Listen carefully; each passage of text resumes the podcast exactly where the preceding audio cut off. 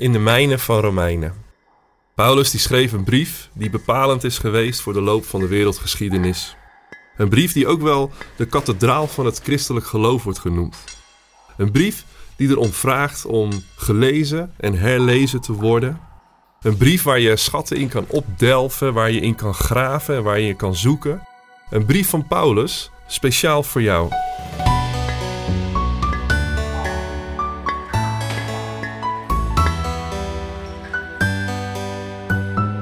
Gaan in deze podcast mijnen in Romeinen.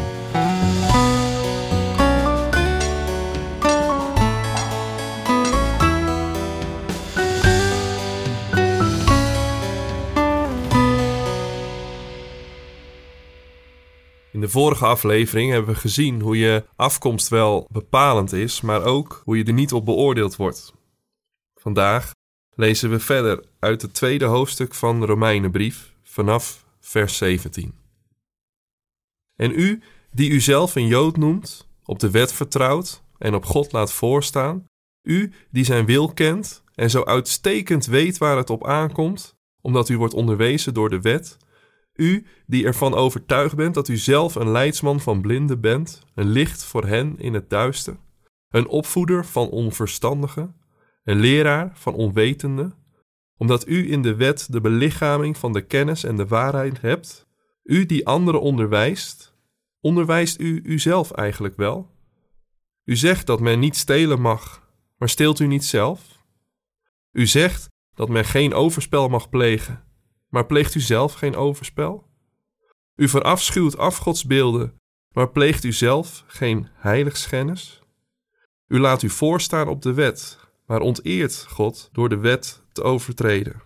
Want er staat geschreven: Door uw toedoen wordt de naam van God onder de volken gelasterd.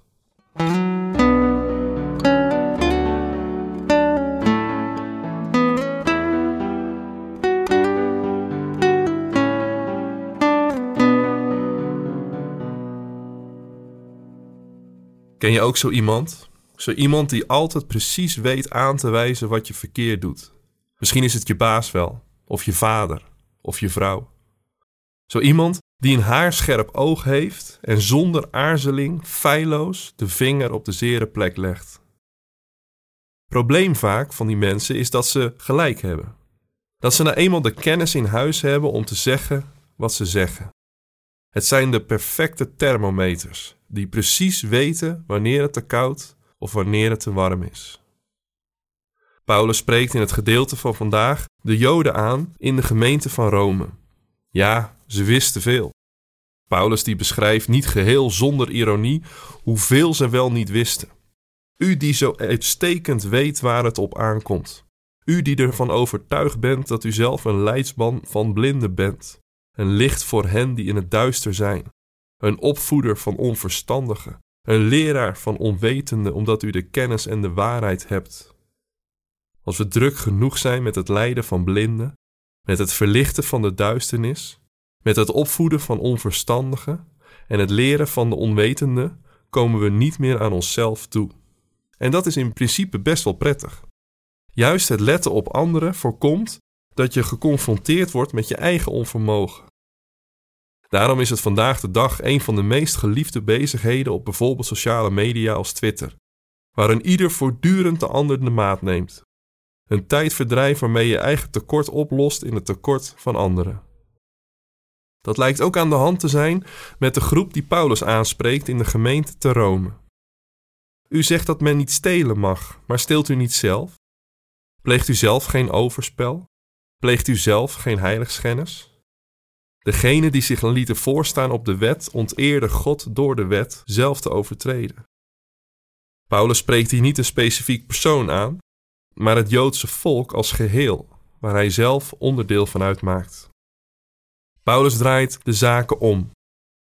Het hebben van de wet is geen voordeel, maar draagt bij aan het oordeel.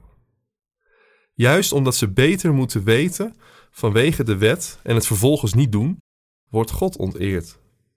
Kennis vraagt verantwoordelijkheid. En waar die niet genomen wordt, draagt ze bij aan de ernst van de overtreding. Denk hiervoor maar aan het verschil dat er in het strafrecht wordt gemaakt bij een moord met voorbedachte raden of dood door schuld.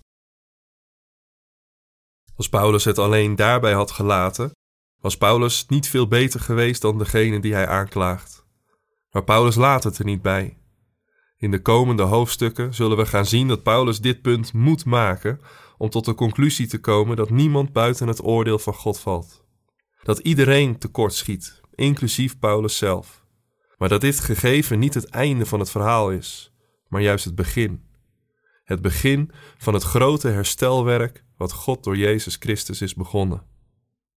Het gedeelte van vandaag stelt ons de vraag hoe we omgaan met de kennis die we hebben van wat goed of fout is.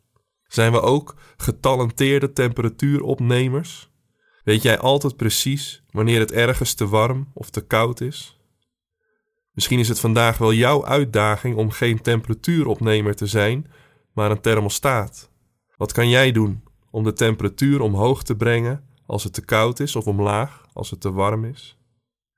Het begint met het besef waar Paulus op aanstuurt dat we allemaal tekortschieten. Zwaar gezegd, met het inzicht dat we allemaal onder het oordeel van God vallen.